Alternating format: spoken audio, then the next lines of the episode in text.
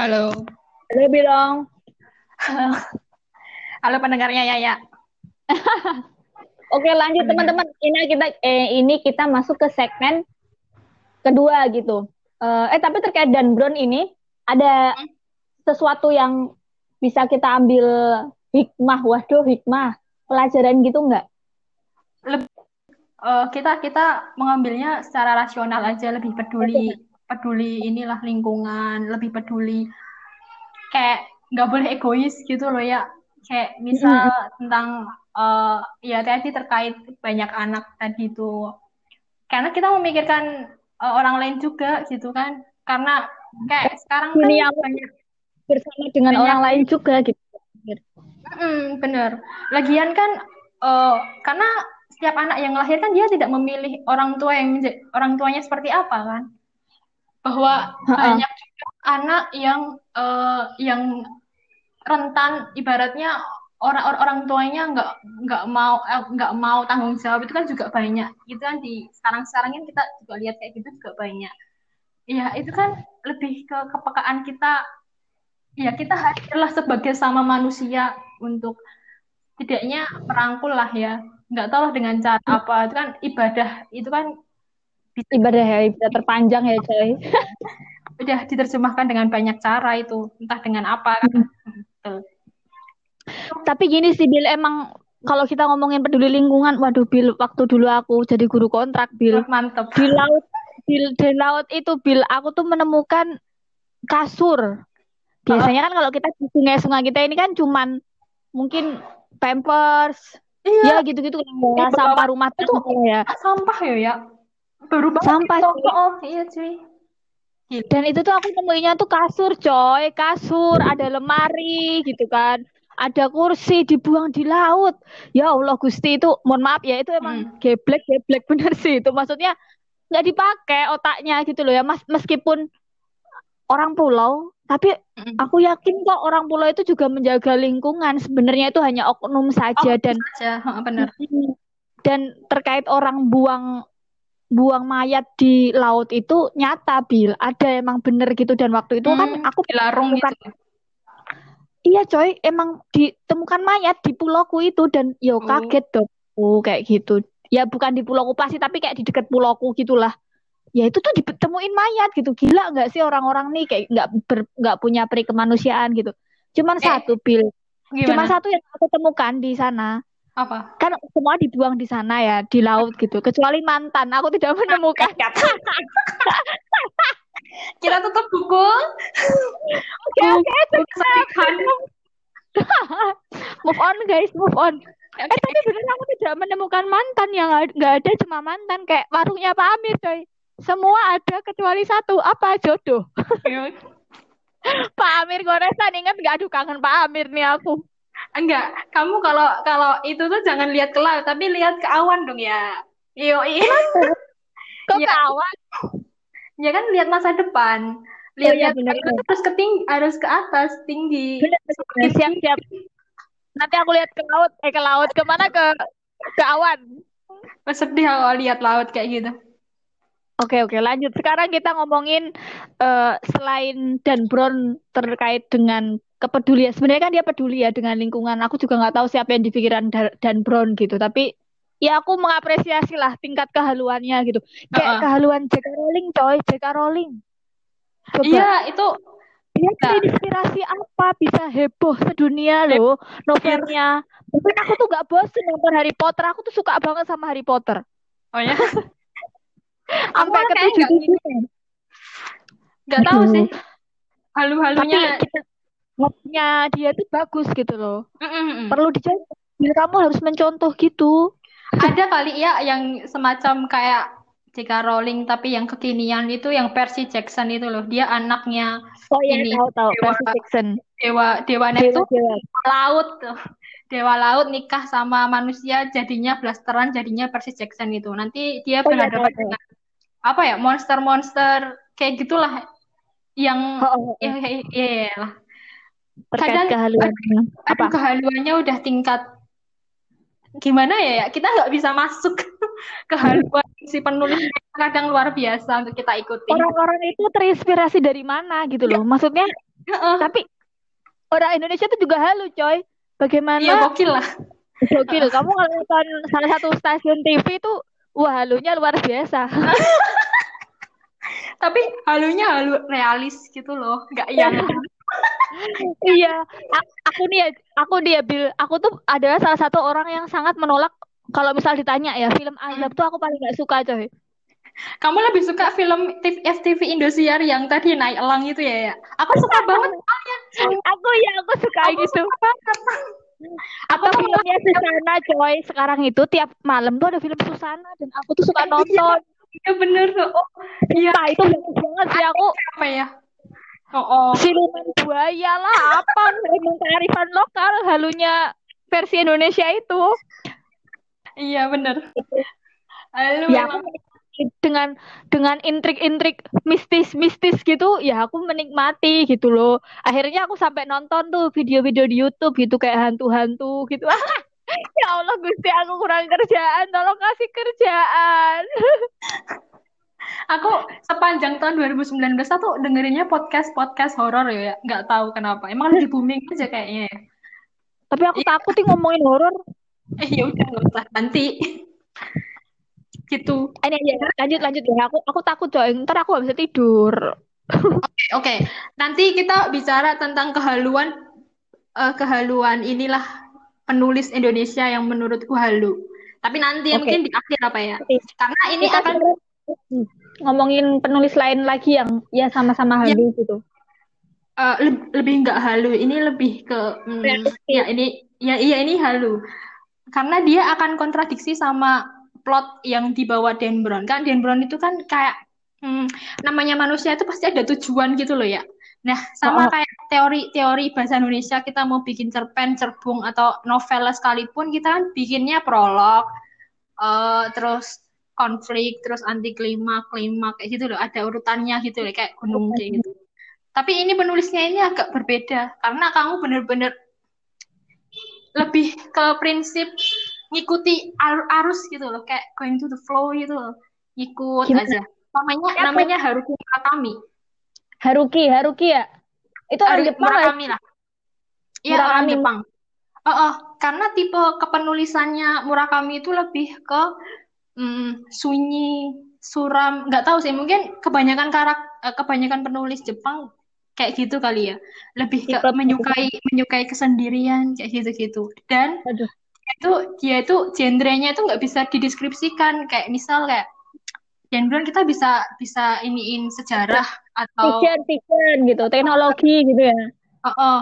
kalau ini tuh genrenya Murakami banget gitu. Nggak nggak tahu orang bisa mendeskripsikan Murakami itu dengan seperti apa. Karena dia orangnya surrealis. Apa ya? Genrenya surrealis. Beda dengan fix beda dengan fantasi. Kalau fantasi itu kalau kata kalau kata si Bernard Batubara, kamu tahu kan hmm. kan penulis ini, penulis oh, novel hmm, itu kalau fiksi itu lebih ke hmm, kita mengakui itu tuh sebuah mitos. Tapi kalau Murakami itu membentuk dunia berceritanya dia itu surrealisme itu itu tuh hal yang wajar. Misal kayak uh, hujan kayak hujan kan air, ini hujan ikan sarden. Itu tuh wajar gitu loh di penulisannya dia.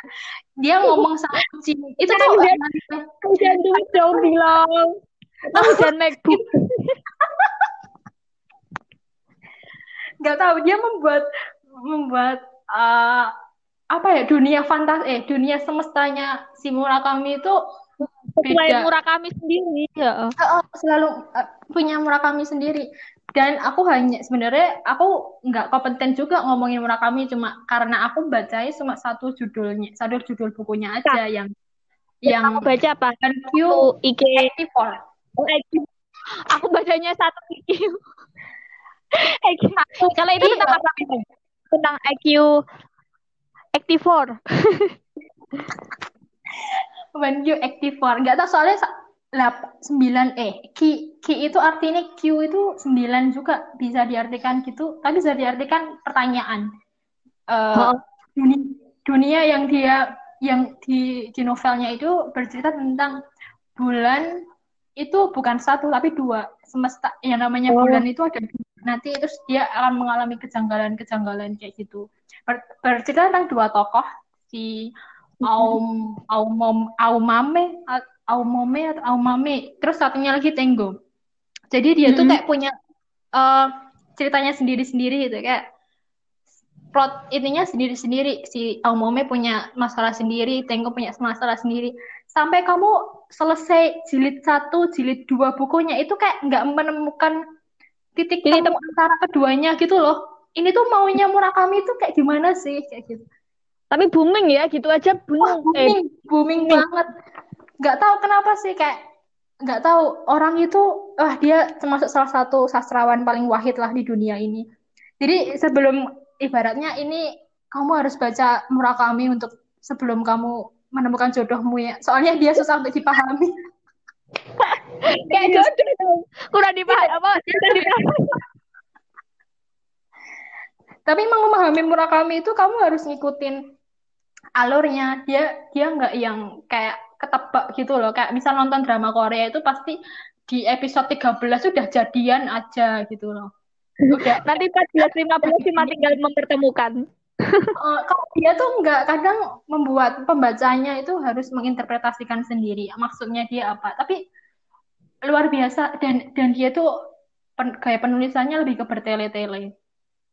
Nah tadi si oh. Aumomi tadi itu bercerita tentang seorang uh, gad, seorang perempuan yang dia itu bekerja sebagai pembunuh kayak aku nggak tahu pembunuh buat pria yang yang menyakiti perempuan dan anak kayak gitu loh dia punya punya kapabilitas punya kayak gitu nggak tahu kenapa dia membuat apa si Aumok itu kayak strong woman sih.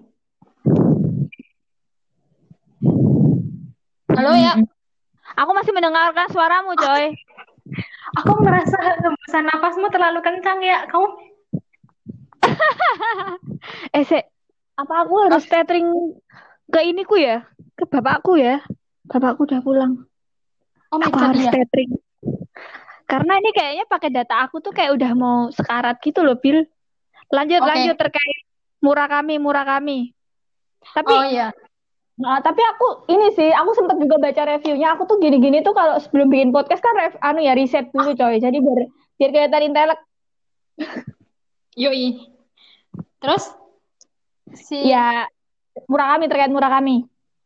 Si sosok satunya lagi itu kan plotnya ada dua. Satunya lagi si laki-laki si Tenggo itu bacanya hmm. apa ya? Tengo pak Tengo ya? Itu ya, cerita okay. tentang dia seorang uh, guru guru bimbel guru guru les bimbel gitu. Terus tapi dia side jobnya jadi editor. Nah delalah aduh delalah. Tiba-tiba uh, si editornya editor pe, pen, editor penerbitannya itu dia minta eh ini ada anak yang mau debut novel gitu. Novelnya hmm?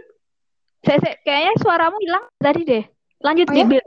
oh, soalnya aku baru pindah mode dari mode pakai data ke mode wifi. Oke oke. Benar si sampai mana tadi?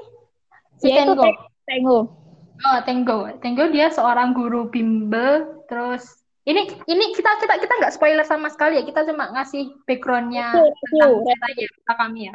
Uh -uh. kita review coy. Kan kamu udah baca aku moderator. Si si si Tengo ini guru guru bimbel dan dia um, membantu seorang penulis baru. Mungkin umurnya masih mahasiswa gitu loh penulis baru. Dia punya debut novel tapi kayak gaya penulisannya masih masih kurang masih kurang buat industri novel lah. Nah, dia minta diminta sama editornya buat bantuin si penulis barunya ini. Nah, terus udahlah karena dia punya potensi novelnya itu bakal bakal bombastis. Terus dibantulah uh, sampai terbit novel sampai bestseller novelnya. Tapi tahu nggak kalau novelnya itu tuh sebenarnya tuh tokoh eh sebenarnya itu kisah nyata tentang oh iya uh, kisah nyata kisah-kisah nyata di novelnya. Maksudnya itu novel terus oh, di dia uh, cerita novel lagi. Oh, oh. Nyata di novelnya itu tentang sekte keyakinan tertentu gitu loh ya. Dan sektenya itu di Jepang. Oh, oh dan dia itu um, uh, lebih ke diam-diam gitu loh, nggak nggak nggak suka kalau terekspos kayak gitu loh. Kayak Lia Eden dong. Sekte Raja apa? Nggak sama loh sebenarnya kita tuh juga halu. Tinggal Iya. ditulis aja. Gitu. Pokoknya dia punya ke sektenya punya kekuatan untuk dia ya. Nggak kalau kalau benar-benar nggak suka dia bakal Membunuh. kayak iya semacam iya kayak trailer kayak gitu kali ya. Ya mungkin sampai situ dan dan dan dan dan Bran. Si Haruki Murakami itu membuat dua tokoh ini selalu berseberangan terus gitu loh ya. Si Aomome punya ceritanya sendiri, si Mm-mm. Tengo punya Tengok ceritanya kita sendiri. sendiri. Kayak punya dua dunia, tapi kita tuh kap- jadi pembaca itu eh, di bawah seolah-olah ke mana sih maunya Murakami ini, kapan mereka bertemu gitu loh. Dan akhirnya kalau ketemu. Ya ketemu, ya nanti Ketemu. lah, nanti nanti di buku ketiga ya. Itu bukunya Oh, tebal banget. Itu emang proyek ambisiusnya Murakami kali ya. Karena Tapi seribu juga 115 halaman cuy. Dan kamu harus baca urut. 1115. Astagfirullahaladzim. Itu kayak skripsiku, skripsimu, skripsi Mbok D, skripsi Elian, skripsi Mas Doni, skripsi apa Azam, Bimo, juga. Dan kita masih rempah-rempah ya itu skripsinya ya. Iya Sedangkan yang ini. Ya seperti itulah. Makanya kalau kamu mem- ini kan salah satu eh, penulis yang diperhitungkan lah Spesial. di kancah Iya. politik internasional. Anu tahu seusia bapakku tahu, maksudnya Iya, dari tua banget tahu. oh, oh, maksudnya bukan yang an- orang muda orang muda gitu, Oh, udah enggak, enggak sama sekali. Wong dia aja baru nulis nulis novel aja umur 33 loh ya. Dia aja udah punya berapa novel sekarang? Nah, Sa- kamu bisa mencontoh dia, Pil, umurmu kan sekarang masih Oh my 25 tahun. Nanti kira-kira ya 2-3 tahun lagi yang fenomenal.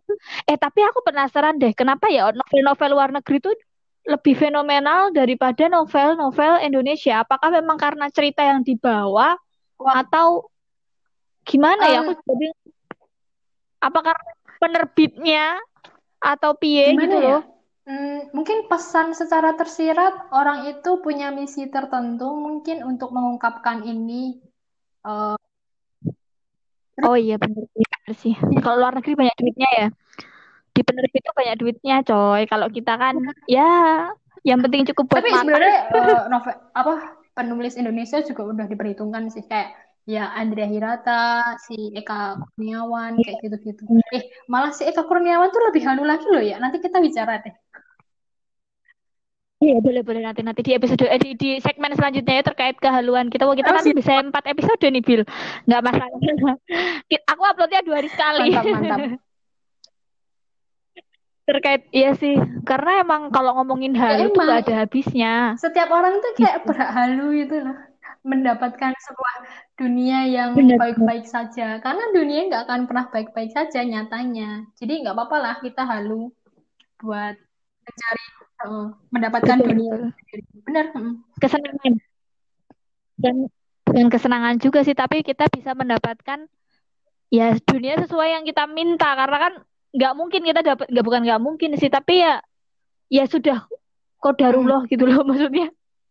Maksudnya tuh dunia itu ya untuk persinggahan Nggak gitu. apa-apa. nggak apa-apa nggak apa-apa bagus bagus ini tuh sebenarnya iya sih kan kita bercerita aja kan bercerita tentang kehaluan kalau Mm. Murakami ini ya eh aku sebenarnya kurang tertarik sih aku mungkin karena aku lebih suka genrenya tuh Iya model. Dan Brown gitu yang Soalnya lebih eh, lebih ini awal Yoi. suka tantangan sel- selalu memecahkan kode-kode dunia ya.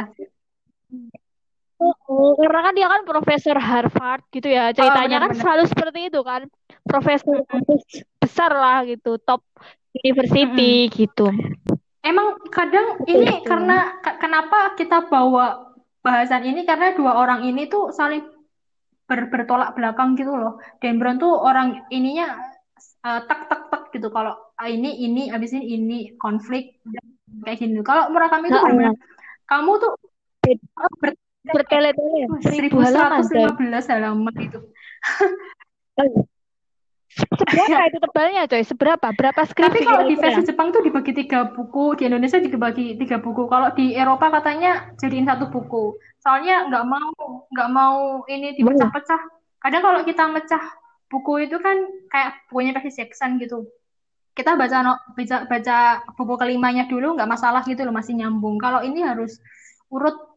Jadi mau nggak nggak mau dipecah-pecah jilid-jilidnya gitu. Mm -mm. Dan oh. selalu ya Murakami itu mm, selalu ini loh selalu di novelnya ya tersirat sih sebetulnya lebih ke menanyakan eksistensi manusia gitu loh kayak gitu.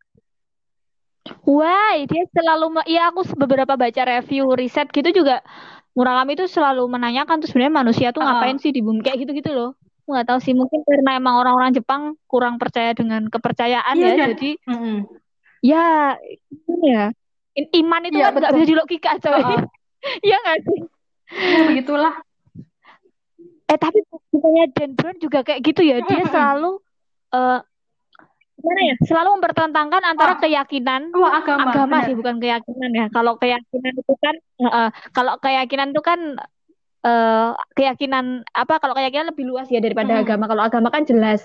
Tapi kalau keyakinan hmm. kayak kebatinan keyakinan jauh malah keyakinan yakinku hmm. teguh hmm. atau apa gitu um, kalau aku baca tuh sekilas itu emang Dan Brown selalu me, gimana ya kayak seolah-olah itu selalu memperlihatkan bahwa si agama itu akan kalah suatu saat nanti dengan ya, teknologi. Ya emang betul kalau di, di Islam kan juga kita diajarin seperti itu ya. Nanti akan suatu saat akan ada masa di mana semua itu bisa dibuktikan dengan ilmu gitu ya. Itu nanti akan ya mungkin Dajjal sudah keluar atau gimana aku juga kurang paham kayak gitu kan. Nah kalau murah kalau murah kami kan kalau aku iya ampun. Ini loh uh, kalau murah kami kan kalau aku mendengarkan ceritamu secara singkat gitu ya dia kan uh, kamu bilang bahwa dia selalu menanyakan hmm. eksistensinya. Manusia itu dunia itu buat apa kayak gitu kan. Tapi secara eksplisit eh gimana sih in, in eh apa sih? Secara tersembunyi. Secara tersirat, tersirat eh ter, ya tersirat gitu. Nah, enggak secara tokohnya kan mempertanyakan gitu kan. Ya aku nggak tahu siapa tahu emang yang mempertanyakan tuh murakapinya iya, kayak, kayak gitu. tersirat aja. Dan selalu dia uh, tokoh yang di, diciptakan Murakami itu lebih ke cenderung sendiri kayak gitu. Dia lebih ke introvert yang selalu berpikir deep deep deep ini loh, deep deep mind. Apa ya? Deep mind ya pokoknya dia dirinya sendiri gitu dia berpikir nggak ber nggak discuss kayak kita ya, gitu loh eh tapi enggak aku kita kan bentar, bentar agak mengoreksi apa? sih yang tadi yang bilang ya dan dan Dan Brown itu pun uh, selalu bikin kayak hmm, semacam kontroversi karena dia seolah-olah dianggap seolah Kenapa? karena semua novel uh, so, seolah dewa eh novelnya semuanya itu eh, serius? dianggap anti anti Laris, ya? Katolik. Eh bukan anti Katolik tapi berseberangan dengan iya, berseberangan. iya, kita pakai bahasa yang halus aja. Berseberangan dengan, dengan oh, berseberangan dengan Katolik. karena, karena eh dia dia dia di mana sih? Dia penulis asli mana sih? Inggris? Tapi, tapi setting yang dia oh, bawa selalu di Eropa terus Eropa. Ba, ba, kamu baca Angels and Demons kamu pasti bakal jatuh cinta. Ya aku aku pernah ini pernah lihat ya, filmnya. aku oh. cukup kalau udah lihat filmnya ada filmnya kan Angel and Demon. Oh, ada ya? filmnya, coy. Oh iya, oh iya. Kalau The Da Vinci oh, oh. juga udah ada. Itu kan ada filmnya. Jadi aku suka filmnya aja. aku pemalas sih kalau suruh baca. Aku sukanya baca status status DE.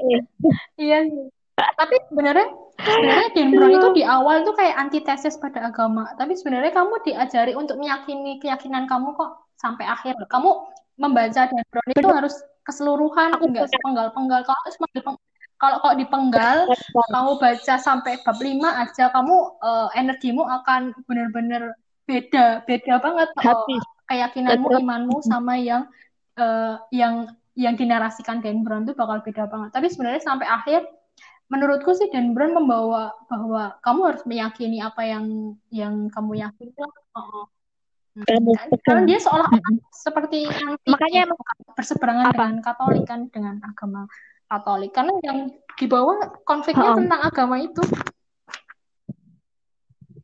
Iya sih. Heeh, makanya dia selalu menarasikan tentang teknologi, Iya, sains, teknologi, sains kayak gitu kan. Iya sih, makanya emang ya bener Bil. Suatu saat kan semua yang ada Iya. di Al-Qur'an, Eh, waduh. Aduh ngomongin Al-Qur'an. Gimana ya? Aku bingung tuh tiap tiap episode tuh aku selalu entah aku atau teman-temanku tuh selalu membawa bawa Al-Qur'an. Dakwah terselubung. Enggak coy, ini ini demi mewujudkan bahwa menunjukkan bahwa kita ini juga baca Iya. Al-Qur'an gitu. Meskipun seminggu sekali, tapi kan paling Iya, tidak kita betul. baca. Maksudnya ya ya itu eh, akan ada masanya suatu saat nanti dan mungkin sudah diprediksi tuh sama Mm-mm. orang-orang yang mengatakan bahwa dirinya ilmuwan kayak gitu. Nah, kalau misal Murakami menanyakan eksistensi manusia di dunia itu ngapain gitu, aku pun sempat mempertanyakan gitu, gak Iya, usah jauh-jauh Murakami gitu betul. sebelum aku tahu bahwa Khalifah itu apa aku tuh gak paham. Dari sebelum yang lainnya, waduh aku bingung kalau ngomongin itu. Makanya ya kalau aku sih mikirnya apa peranmu sekarang ya lakukan yang terbaik gitu. Pasti tuh nanti akan dimintain pertanggungjawaban sama Tuhan. Eh, Aku mikirnya ya, gitu. kembali dong Peran kita ke surat Az-Zariyat ayat 5 yang itu ya, yang tentang ya kalau Gimana, tujuan tujuan manusia di dunia ini ya untuk ibadah gitu. Mm. Heeh, heeh. Oh, nanti ini biasa akan ya, membuka uh, bacaan kita selanjutnya nih di segmen ketiga. Oh ya siap, siap. Tentang Oke, oke. jawabannya di ini di Oke. Az-Zariyat ayat 56. Ya kan tentang uh, ini awal tadi, tentang Ya itu eksistensi Allah menciptakan kamu Oh, oh. sebagai khalifah. nanti nanti dunia kita ini. bentrokan sama isu feminisnya si tak Waduh, tetap ada feminis emang aku Ah. suka nih kayak gitu. Oke, oke. Segmen dua kira-kira cukup ya Nabila terkait eh, Nabila aku ya, Iya. keku, bilong. Terkait Murakami. Oke, kita lanjut ke segmen ketiga.